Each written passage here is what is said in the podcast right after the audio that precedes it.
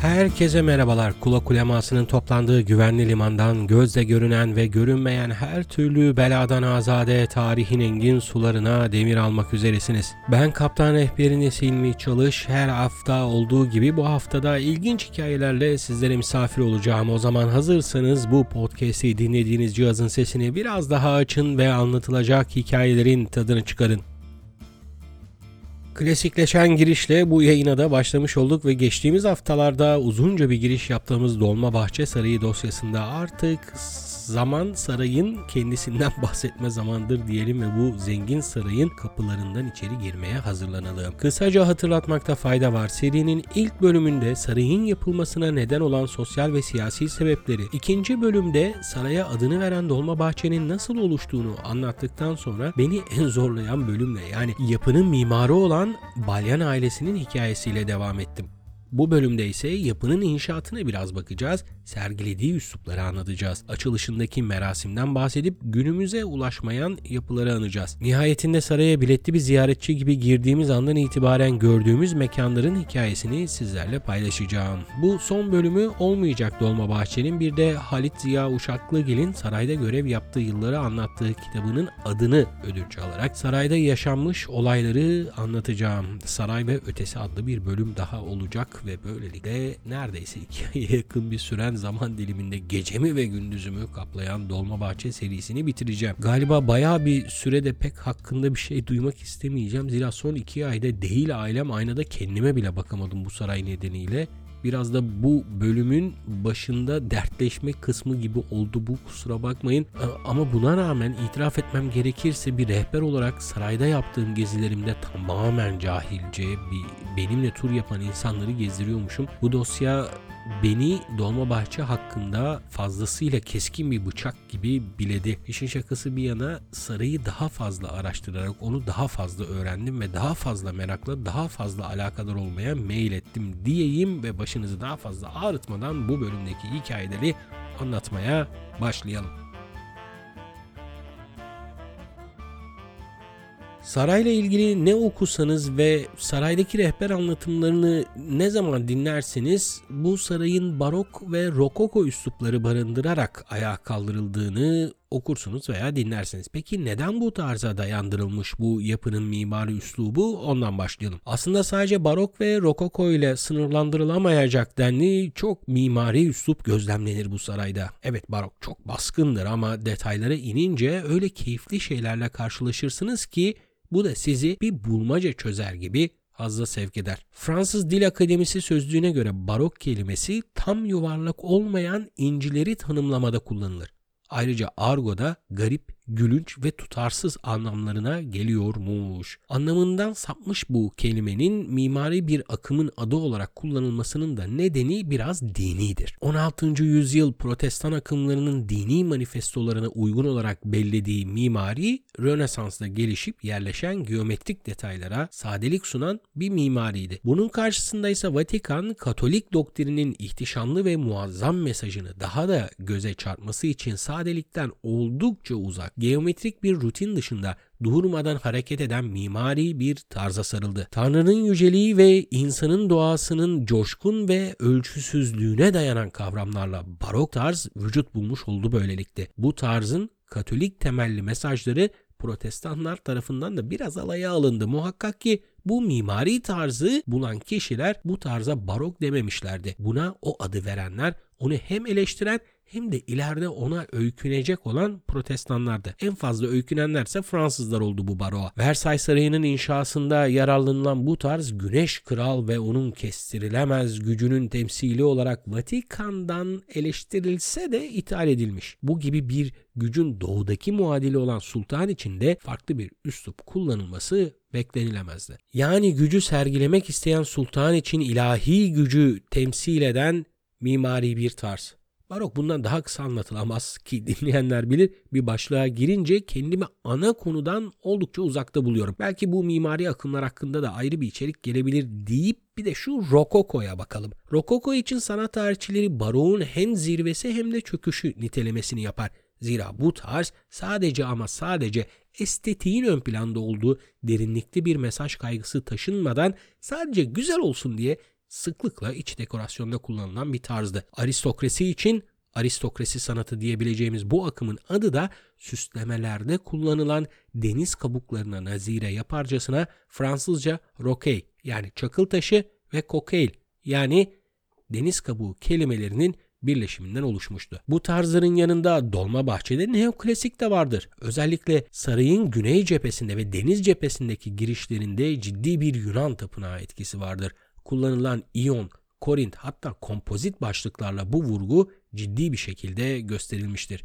Yine muayyede salonunun deniz tarafındaki kemer içindeki ikiz pencerelerde Orta Anadolu Ermeni mimarisinden izler vardır ki bir önceki bölümde andığım Balyan ailesinin bir imzası diyebiliriz bu pencerelere de. Okuduğum çoğu kaynakta ve en başta rahmetle anmamız gereken Afife Batur tarafından vurgulanan güzel bir detay var Dolmabahçe için.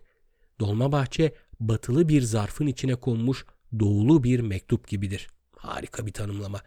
Nasıl bir evde dünyaya geldiğinizi bilmiyorum ama hemen eski Türk filmleri gözünüzün önüne getirecek olursanız genelde ortada genişçe bir sofa adı verilen salon ve bu sofanın etrafına konumlanmış ailenin her üyesinin mahrem odası yer alırdı. Geleneksel Türk evi olarak anılan bu plan tipi dolma bahçede de takip edilmiş hatta daha ileri gidilerek tüm sarayda toplam 28 sofa ve her köşesinde odalar yapılmış. Böylelikle Osmanlı her ne kadar biz değiştik demeye çalışsa da aslında içten içe eskiyi yaşatmaya devam ediyordu. İçi ve dışı farklı tarzları barındıran bu sarayda 19. yüzyılın hızlı cereyan eden olayları içinde hırpalanan devletin kafasının da nedenli karışık olduğunu harika bir şekilde gözler önüne seriyordu bu yapı tipi. Bu kadar kısa tutabildiğim mimari estetiğine dair detaylardan sonra yapının temelini atalım artık. Başlarda buradaki ahşap sarayın ihyası yani iyileştirilmesi gündeme gelse de sonradan kapsamlı bir şekilde yeni düzene uygun bir yapı yapılması uygun görülmüş. Ve bunun için 13 Haziran 1843 yılında temel atılmış. İnşaatın temeli biraz uğraştırır ustaları. Zira bölgede yeteri kadar geniş bir alan yoktu. Bunun için 45 santimetre arayla 40 santimetre çapında ve uzunlukları denizin derinliğine bağlı olarak 7 ila 27 metre uzunluğunda kütükler çakılmış ve bunlar 25 santimlik hatırlarla birbirine bağlanmışlar. Oluşan bu genişliğe 120 santimetre kalınlığında Horasan harcı dökülerek zemini sağlamlaştırıp üst yapının inşaatına başlamışlar. Çok farklı yerlerden çok farklı hacim ve ematta taşlar getirilmiş. Zaten ana yapı tamamen taştan yapılmış. İç dekorasyonsa tamamen ahşap. Bunun başlıca nedeni yapıyı daha hafif kılabilmektir. Zaten saray içinde gezerken bile özellikle üst katlarda bunu rahatlıkla fark edebilirsiniz. Yalnız bazı odaların bu ahşap ağırlıklı iç tasarımın yangın riskine karşı taştan yapıldığını görürüz. Bu taş odalar bilhassa mücevheratın saklanması için yapılmış efendim. Buna rağmen kaba inşaat kısa sürmüş. 1847 yılına ait fotoğraflardan inşaatın bittiğini rahatlıkla görebiliyoruz. Fakat asıl zorluk o nadide iç süslemelerindeydi. Günümüzde ziyaretçilerin giriş yaptığı merasim kapısının üzerindeki kitabede 1854 yılının hicri takvimdeki karşılığını okuruz. Demek ki yapı bu tarihte bitirilmişti çoktan. Lakin tam da Kırım Savaşı yılları devam ettiğinden ve savaş zamanı böyle ihtişam sergilemek bayağı bir ayıp olacağı için günümüze ulaşmamış ince bir düşünceyle yapının açılışı savaşın bitişini resmen belirleyen Paris Antlaşması'ndan sonra yapılmış. 7 Haziran 1856 tarihinde görkemli bir şekilde yapı açılmış efendim. Bu tarihten devletin ortadan kalktığı 1922 yılına kadar geçen 66 yılın 35'inde saray devletin kalbinin attığı yer oldu. Geri kalan 31 seneyi ben şahsen israf olarak tanımlıyorum. Bu noktada Topkapı'ya bir kez daha bakmamızda fayda var. İlk bölümde dediğim gibi yeni bir şeyden söz ediyorsanız hep eskiyle mukayese etme içgüdüsüne düşüyor insan. Topkapı 1470'lerden itibaren bitmek bilmeyen genişleme ve ihya süreçleriyle devamlı bir inşaat sürecinin içindeydi. Bu açıdan bakıldığında Dolmabahçe'nin inşasının zorluğu bir kez daha anlaşılıyor. Topkapı zaman içinde doğan ihtiyaçlara uygun olarak eklenen yapılarla oluştu. Buna rağmen Dolmabahçe iyi bir planlama ve hesaplamayla ileride doğabilecek ihtiyaçları önceden belirleyerek tamamlandı. Günümüzde biz sadece bu yapının deniz tarafındaki saray kısmını ziyaret etsek de günümüze ulaşmamış birçok yapıyla beraber tüm ihtiyaçları tatmin edecek işlevsel bir olgudur Dolmabahçe. Peki tüm bu planlamayı ve inşaatı kim yaptı? Geçen hafta uzun uzun anlattığım Balyan ailesi tabii ki bu sürecin başrol oyuncularıydı fakat bir de karakter oyuncuları var ki bilirsiniz filmlerde asıl hikayeyi tamamlayan unsurlar onlardır. Öncelikle Abdülhalim Bey'den bahsetmekte fayda var. Abdülhalim Bey Osmanlı'nın son hassa mimar ağasıdır. 1831 yılında ocak kapandıktan sonra ebniye yani binalar nazırı oldu. Bu ilk dönemde nazırı olduğu kurum yapıların ilk keşiflerini oluşturup ihaleye çıkarırdı. İhaleyi alan da binayı yapardı. Bu durumdan dolayı ilk keşfi yapan kurumun başındaki görevinden dolayı yapının mimarını Abdülhalim Bey kabul edenler var. Bunun pek böyle olmadığı kanaatindeyim ben. Bir ihale varsa mutlaka bir projede olmalı ee, ki Balyan ailesi bir projeye imza atmışlardı. Zaten yapılan tüm ödemelerin de Garabet Balyan'a yönlendirilmesi ve tüm para akışını 1850 yılına kadar kontrol etmesi de bu durumun bir dereceye kadar destekçisidir. Belirlediği planla, belirlediği projenin ödemelerini de kendi yapar Garabet Balyan. Garabet Balyan, Nikogos Balyan ve ailenin damadı Ohannes Serveryan'a toplamda aylık 8100 kuruşluk ödemeler yapılıyordu. Paranın akışını takip amacıyla da devlet tarafından görevlendirilen bir kişi vardı. Altunizade İsmail Paşa. Üsküdarlı varlıklı bir ailenin üyesi olan ve lakabı olan Altunizade'yi de bir semte ismini veren İsmail Paşa hazineden gelen paranın harcandığı yerleri bina emini sıfatıyla kontrol etmekte memurdu. Yani işin müteahhiti aslında Altunizade'ydi diyebiliriz. Burada artık tamamen duygusal konulara da bakmakta fayda var. Herkesin kafasında bir maliyet çıkıyor sarayla ilgili. Kimi 5, kimi 10 milyon altın diyor. Uçmanın sınırı yok tabii ki. Biz akıl yolundan şaşmadan takip edelim adımları. Dolmabahçe Sarayı Müdürlüğü de yapmış olan Cengiz Göncü'nün doktora çalışmasında 1843 yılında 1856 yılına kadar 13 yıl içinde sadece 2 yıla ait ödeme tablolarına ulaşamamış ve geri kalan 11 yıllık harcamanın 1 milyon 325 bin 671 lira olduğunu belgelemiş.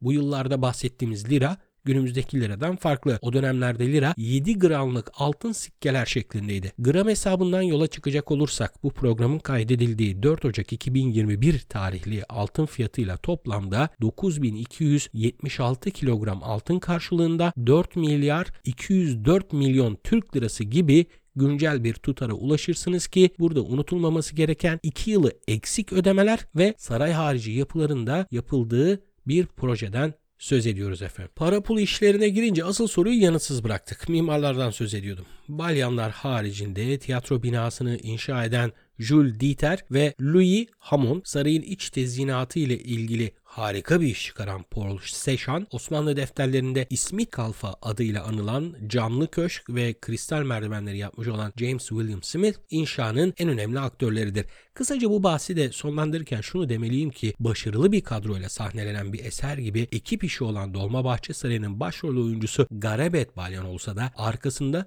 onun kafasındakileri yerine getiren yetenekli karakterler vardır. Bu da bize her ne kadar başarılı bir iş tecrübesine sahip olsanız da birlikte hareket edip hırs ve kibri yendiğinizde güzel, unutulmaz bir yapının ayağa kalkabileceğini gösterir. Kafamda bu bölüm için planladığım şeylerden biri de günümüze ulaşmayan yapılardan söz etmekti ama onları saray ve ötesi bölümüne atıp artık bir türlü giremediğimiz saraya doğru ilerleyelim. Günümüzde Dolmabahçe ya da Bezmi Alem Valide Sultan adıyla anılan ve bir başka balyan yapısı olan cami yönünden doğru müzeye ulaşırsınız. Burada ilk dikkat çeken şey bir saat kulesidir. Kendi dönemine dair fazlasıyla belirgin bir iz olarak hükmü altındaki topraklarda saat kulesiz yer bırakmak istemeyen 2. Abdülhamit zamanında Balyanlardan Sarkis Bey'e yaptırılan saat kulesi 27 metre yüksekliğindedir. Dört yüzünde birer kadran bulunur ki bu kadranlardan deniz tarafındaki ayrı, diğer üç yüzündeki ayrı olacak şekilde kurulurlar. Fransız Paul Garnier marka saatler 1895 yılından itibaren takır takır çalışmaya devam eder ki sadece saatler değil Biraz daha aşağı bakarsanız göreceğiniz kadranda olduğu gibi barometre vardır ve o dahi çalışmaya devam etmektedir. Biletimizi alıp devam edelim. Ee, karşımıza harika bir kapı çıkar. Bu kapı için çok farklı isimler kullanılır. Hazine kapısı, merasim kapısı, sefaret kapısı gibi. Ee, aslında hepsi doğru bu kapı ile ilgili kullanılan isimler arasında. Sefaret elçilik demek ve buradan 19. yüzyılın değişen diplomatik düzeni içinde padişahla ve bürokratlarla daha kolay iletişim gerçekleştirilebilen sefirler kabul ediyordu. Zaten asıl amaç devletin ihtişamını göstermek olduğu için bu kapının da bu denli görkemli olması gayet normaldi. Bu kapının iki yanında kapının güzelliği altında kamufle olan iki birim vardır. Hem saray için hem de devlet için önemlidir. Bunlardan biri hazine hassa birimidir. hazine hassa Topkapı'dan beri var olan bir kurumdur. Saray protokolünde e, ve padişahın şahsi kullanımına ayrılmış olan hazine kısmına verilen addır. Kapının deniz tarafında kalan bina bu amaçla kullanılır ve kontrolü gayet sıkı bir biçimde muhasebe kayıtlarıyla sağlanırdı. Buradaki hazinenin sorumluluk alanında değişen hanedan yapısına göre de biçim değişikliği olmuş. Önceleri kafeste yaşadığı için pek maddi ihtiyacı olmayan şehzadenin değişen zamanla beraber özgür ortamlara akması neticesinde gereken maliyette hazine Hassan'ın mesuliyetine verilmişti. Osmanlı hazinesinin buhranlı dönemlere girdiği bu yıllarla ilgili iktisat tarihçileri Kırım Savaşı gibi tüm maliyenin belini büken masrafların hat safhaya çıktığı bu yıllarda Hazine-i Hassan'ın bütçe içinde %10'luk bir kalem teşkil ettiğini gösteriyor.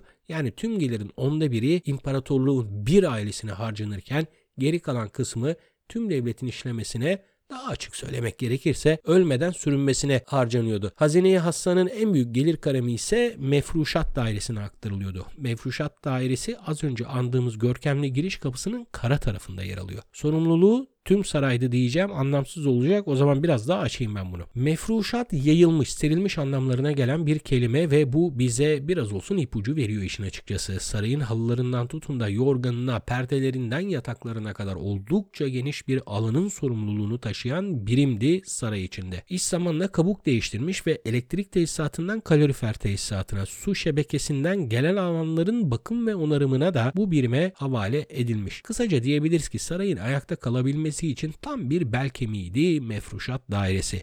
Özellikle padişahın prestijini sergilemek amacıyla yapılmış olan bu sarayın bu prestiji daha görkemli bir şekilde temsil edebilmesi için de mefruşat dairesi gece gündüz çalışırdı. Artık Nikogos Balya'nın yaptığını bildiğimiz bu güzel kapıdan bahçeye doğru ilerleyelim ama kapı hakkında birkaç şey daha söyleyelim. Kapı denilen kavram Doğu toplumları için önemlidir. Devletin idare mekanizması hep kapı metaforuyla tanımlanmıştır desek yeridir. Zaten Osmanlı'da devletin idare merkezi olarak da Baba Ali yani Yüce Kapı yakıştırması boşuna değildir. Selçuklu'da da bu yaklaşım görülür. Bu noktada asıl konuyu aşmadan küçük bir tüyo verip devam edeyim bir yapının Selçuklu tarzı olduğunu anlamak için kapılara bakın. Eğer kapı yapıdan büyükse kesin Selçukludur. Selçuklu ve daha başka bir sürü şeyi dışarıda bırakıp bahçeye girelim artık. Bahçeye girdiğimizde tam karşınızda uzaklardan rahatça görülebilecek olan sarayın mabeyn kapısı kendini gösterir antik Yunan tapınaklarına öykünürcesine kırma çatılı ve sütun dizileriyle devletin kutsalı olan padişahın evine yaklaştığımızın bir habercisidir bu tarz. O noktaya varmadan süslü bir havuz vardır arada bir yerde. Bu havuz aslında uzun zaman burada yoktu. Havuz Yıldız Sarayı terk edildikten sonra yani 1909 yılında Yıldız Sarayı'ndan getirilmiş. Havuzun kenarında ve tam ortasında estetik ve fazlasıyla gerçekçi heykeller bize az sonra bahçenin her bir yanına dağılmış heykellere de bir şekilde hazırlar. Havuzu geçince görürüz bu bahsettiğim heykelleri. Önce yavrularıyla beraber iki dişi aslan heykeli, az ileride timsahı alt etmeye çalışan erkek aslan heykeli ve daha fazlası bahçenin her köşesindedir. Bu heykeller buraya Sultan Abdülaziz zamanında Çırağan Sarayı'ndan getirilmişler efendim. Peki oraya nereden getirilmişler? Sultan Abdülaziz'in meşhur Avrupa seyahati sonrası Sultan'ın Avrupa kentlerinde gördüğü heykellerden etkilenmesi üzerine ünlü Fransız heykel heykeltıraş Pierre-Louis Rouillard'a sipariş edilir. 12 bronz ve 10 adet mermer heykel Fransa'dan Rouillard ve ekibi tarafından yapılıp İstanbul'a gönderilir. Hepsi de bir yerde durmaz bu heykellerin. Bir kısmı Beylerbeyi'ne, bazısı Yıldız'a, Dolmabahçe'ye ve Çırağan'a konmuş.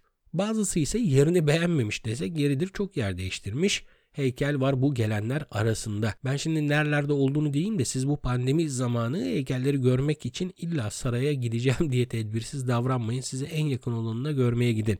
En meşhuru Kadıköy Altı Yol'daki boğa heykeli. Bir diğeri bir köşke adını vermiş at heykeli ki tahmin etmişsinizdir Sabancı Müzesi olarak kullanılan Atlı Köşk'ün adı da gelen bu at heykelinden kullanılmaya başlanmış. Ee, bir de son olarak İstanbul Belediyesi'nin Saraçhane binası önündeki parklarda e, bazıları görülebilir. Eğer atladığım varsa kulak ulemasının sosyal medya hesaplarından lütfen bildirmekten imtina etmeyin efendim. Bahçede çok daha fazla şey var ama ben direkt ana mekana girmek istiyorum. Sarayın kutsallığını vurgulamak için Yunan tapınaklarını andıran görkemli kapısından içeriye girmek için Mabeyn kapısı adı verilen kapıdan girelim efendim. Bu arada söylemeyi unuttum saray 3 bölüm. Mabeyn, harem ve muayyede salonu. Biz bu ilk bölümden başlayacağız. Mabeyn. Mabeyn kelime anlamı olarak aslında iki şeyin arası anlamına geliyor Arapçada. Genel olarak haremlik ve selamlık arasındaki bölümlere verilen bir tanımlamadır. Bir nevi salon ya da sofa şeklinde oluşturulan mabeynler ortak kullanım alanları olmuş sivil mimaride fakat burada sizin de dikkatinizi çekmiştir ki tam oturmayan bir şey var. Size mabeyne girdiğimizi söyledim. Sonra da mabeynin harem ve selamlık arasında bir alan olduğunu belirttim. Aslında her ikisi de doğru tanımlama. O ifadeyi Osmanlı saray özelinde farklı bir şekilde kullanır. Harem ve selam arasındaki alandan ziyade ki bu arada bu tamamen benim şahsi yorumum dış dünya ile harem arasındaki alana bu tanımlamayı vererek belli bir noktadan sonra geçilemeyen sınırların olduğunu anlatmak istiyordu diye düşünüyorum. Mabeyne girdikten sonra karşımıza bir salon çıkar. Bu salona methal salon adı verilir ki dahil kelimesinin Arapçadaki mef'ul vezniyle çekimi sonucu girilen mekan anlamına gelir. Bu salona girdiğimizde devletin gücü ilk intiba olarak yansıtılmak istenmiş. Merkezi bir salon ve her dört köşede bir ya da birkaç odanın bulunduğu yapıyla az önce andığım geleneksel Türk evine dair izler de buradan başlayarak tüm sarayda görülür. Bu arada bu bahsettiğim yerlerle ilgili plan ve görselleri de sayfalara koyacağım bilginize. Medhal salon tüm sarayın temsil ettiği değerlerin en etkin bir şekilde sergilendiği yerdir. Merdivenlere doğru uzanan bir alan ve etrafındaki odalar, şömineler, oturma grupları, aydınlatma araçlarıyla muntazam bir şekilde düzenlenmiştir. Böylelikle sarayın vermek istediği mesaj vurgulanmıştır. Tertipli ve iyi organize edilmiş devlet tasavvuru. Sarayın tüm köşesine işlemiş olan sonsuz bir simetri vardır. Bu salonda bu da iyi görülür. Gelen sefirler başta olmak üzere kapıdan içeri girme şansına sahip olmuş her bireye devletin organizasyonu hakkında kusursuz bir yapıyı anlatır bu simetri. Bir denge vardır devlette ve bunu görmek için sarayın her yerinde başınızı sağa ve sola çevirmeniz yeterli. Bir tarafta ne görüyorsanız diğer tarafta da aynısı veya muadili göze çarpar. Buna rağmen bazıları her zaman olduğu gibi diğer bazılarından daha ayrıcalıklı olabiliyor. Yazılmamış kuralların olduğu ve herkesin bu kurallar çerçevesinde hareket ettiği devlet düzenine göre sarayın deniz tarafı odaları kara tarafı odalarına göre daha prestijliydi. Örnek vermek gerekirse Medhal Salon'un deniz tarafındaki odaları ikinci meşrutiyete yani İttihat ve Terakki İdaresi'ne de elçilik bekleme odasıydı. İttihatçılar bu geleneği değiştirip deniz tarafındaki odaları sadrazam ve nazırların kullanımına vererek sadece saray özelinde değil devlet idaresindeki kuvvetlerine de vurguda bulunmuşlar. Burada bir Topkapı mukayesesi daha geliyor. Dikkat Topkapı'da siyaset padişahın gözetiminde ve bilgisinde yapılırdı. Bu nedenle kendisinin kafes arkasında seyrettiği bir divan salonu mevcuttu. Devletin bürokrasisi sarayda icra ederdi görevlerini. Bu açıdan bakınca Dolmabahçe'de bu yaklaşım artık ortadan kalkmıştır. Zira Tanzimat İdaresi'nin getirdiği değişimlerden biri de Baba Ali'ye atfedilen yürütme yetkisiyle padişahın sadece denetmen rolüne indirgenmesiydi. Hal böyle olunca saray oluşumunun içinde bakanlar kuruluna ev sahipliği yapacak bir alana gerek duyulmadı. Sadece belli zamanlarda saraya gelen sadrazam ve bazı bakanların kabul edildiği odalar vardı. Yürütmenin başı ve üyelerinin saraya geldiğinde kullandığı ve başlarda kara tarafında sonra da deniz tarafına taşınan vezir odaları gibi. Eğer bir görevli olsak bu salondan merdivenlere doğru geçecektik ama bir ziyaretçi olduğumuz için müze idaresinin bize gösterdiği rotayı takip edip soldaki koridora girelim. Tam anlamıyla bir simetriden söz ettiğim için aynı koridorun deniz tarafında olduğunu da hatırlatmakta fayda var. Kara tarafındaki bu koridorda bazı katip odaları mevcut ama en ilginç oda bir yemek masasının bulunduğu odadır. Buraya Kurena beylere mahsus Husus camekan adı verilmiş zamanında. Kurena karin yani yakındaki kişi kelimesinin çoğul hali. Bu beyler padişaha en yakın olan ve ona hizmet etmekle görevli beyefendilermiş. Bunların başında da bir tane serkürena varmış. Genelde baş mabeyinci ünvanıyla anılan bu görevdeki kişilerden en ünlüsü ve önümüzdeki programda da anacağım Halit Ziya Uşaklıgil'di. Bu Kurena beyleri kendilerine ait camekanda görevlerini yerine getirmekten ziyade Halit Ziya Bey'in fikri olan tabildot usulüyle yemeklerini yermiş efendim. Biraz daha devam edince kalem efendilerine ait namaz odaları, katiplerin yazı odaları ve sair odalar koridor boyunca uzanır ki bunların hepsine dair anlatım içine girsek e, tam bir yıl boyunca Dolmabahçe Sarayı'nı anlatmak gerekir diye düşünüyorum.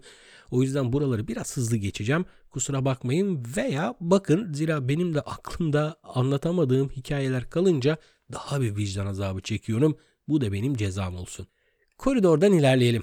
Başka bir sofa ve veya salonla karşılaşırız. Buraya binek salonu demişler ki tam işlevini anlatıyor aslında. Hem kara tarafından hem deniz tarafından saraya giriş ve çıkışların gerçekleştiği bir nokta burası. Haliyle saraya giriş yapılan yerlerden biri olduğu için de süslemeleriyle dikkat çeken ve sarayın zenginliğini gösterildiği noktalardan biridir burası. Şimdi biz burada fazla vakit kaybetmeden yukarıya doğru çıkalım ama yukarıya doğru çıkarken biraz yavaş yavaş çıkalım. Çünkü bence bugüne kadar yapılmış olan en güzel merdivenlerden bir kattan başka bir kata geçeceğiz. Trabzanlarını süslemek için kullanılan kristallerden dolayı kristal merdiven olarak anılan görkemiyle gelen vezirlerden ziyade sarayda çalışanların ve bizim gibi çok çok sonraları gelen e, müze ziyaretçilerinin de etkilendiği o muhteşem merdivenler. Başta dediğim gibi James William Smith tarafından yapılmış olan merdivenlerin trabzanları kristalle süslendiği için kristal merdiven ya da elçilik merdivenleri olarak anılan bu merdivenler iki ayrı basamak sırasından başlayıp yukarıda